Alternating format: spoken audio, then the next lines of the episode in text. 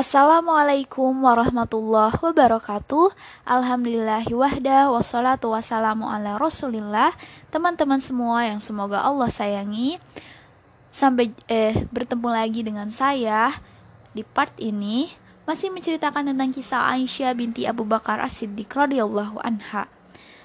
Oh ya yang kemarin saya kan pernah bilang bibit Tapi setelah saya baca lagi Umum Mithah ini Ibunya adalah putri dari Sahar bin Amir, bibi Abu Bakar As-Siddiq.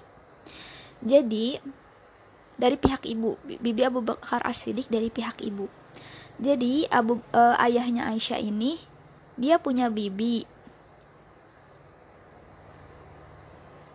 Terus punya anak. Anaknya itu adalah ibunya Ummu Mithah jadi, kalian bisa tahu sendiri hubungannya apa sama Aisyah.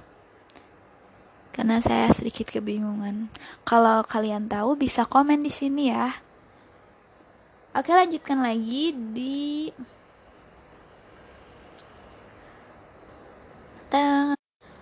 Aku dan Ummu Mithah pulang berjalan menuju rumahku saat kami sudah menyelesaikan hajat kami.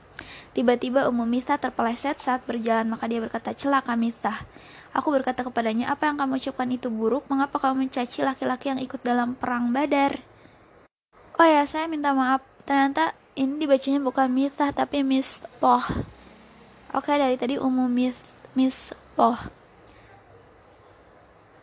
Dia menjawab, duh kasihan kamu, tidakkah kamu mendengar apa yang diucapkannya? Aku balik bertanya, dia berkata apa? Lalu Umum Mistoh mengabarkan kepadaku apa yang dibincangkan oleh para pembuat fitnah dusta. Akibatnya sakitku semakin parah. Saat aku tiba di rumah Rasulullah Shallallahu Alaihi Wasallam masuk. Mengucapkan salam dan bertanya bagaimana keadaanmu? Aku menjawab apakah engkau mengizinkanku untuk menemui bapak ibuku? Saat itu aku ingin mengecek kebenaran berita tersebut dari bapak ibuku. Rasulullah Shallallahu Alaihi Wasallam mengizinkanku maka aku pulang. Aku berkata kepada ibuku ibu apa yang dibincangkan orang-orang? Ibuku menjawab putriku tenangkanlah dirimu demi Allah Tak ada seorang wanita cantik yang dicintai oleh suaminya dan dia mempunyai madu-madu melainkan mereka akan banyak memperbincangkannya. Aku berkata, Subhanallah, orang-orang telah membicarakan hal ini. Malam itu aku menangis hingga pagi, air mataku tidak berhenti dan kelopak mataku tidak terpejam. Pagi hari tiba aku masih menangis. Rasulullah Shallallahu Alaihi Wasallam memanggil Ali bin Abu Talib dan Usama bin Zaid radhiyallahu anha saat wahyu belum kunjung turun. Beliau beliau meminta pendapat keduanya terkait dengan kemungkinan berpisah dengan istri beliau. Usama bin Zaid mengusulkan kepada Rasulullah Shallallahu Alaihi Wasallam berdasarkan apa yang dia ketahui bahwa istri beliau adalah istri yang suci dan bahwa beliau pun sangat mencintainya. Usama berkata, wahai Rasulullah, dia adalah keluargamu. Kami tidak mengetahuinya kecuali dia adalah orang yang baik. Adapun Ali bin Abu Thalib maka radhiyallahu anhu maka dia berkata, Allah tidak mempersempit mempersempitmu, wanita selainnya banyak. Tanyalah hamba sahaya, dia menjawab dengan benar.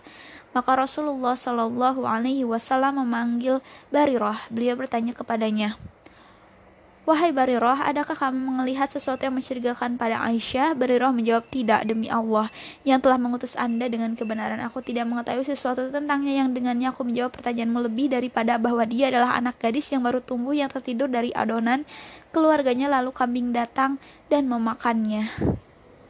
Rasulullah Shallallahu Alaihi Wasallam berdiri di atas mimbar. Beliau meminta dukungan melawan fitnah Abdullah bin Ubay bin Salul. Rasulullah Shallallahu Alaihi Wasallam bersabda dari atas mimbar, Ya masyaraul muslimin, mayyadziruni min ro, min rajulin qad balagani adahu fi ahli. Fawallah ma alimtu ala ahli illa khaira walaqad dzakaru rajulan ma alimtu alaihi illa khaira wa ma kana yadkhulu ala ahli illa ma'i. Siapa yang mendukungku melawan fitnah seorang laki-laki yang telah sangat menyakitiku dalam keluargaku? Demi Allah Aku tidak mengetahui pada keluargaku kecuali kebaikan. Orang-orang membicarakan seorang laki-laki yang tidak aku ketahui kecuali dia adalah orang baik.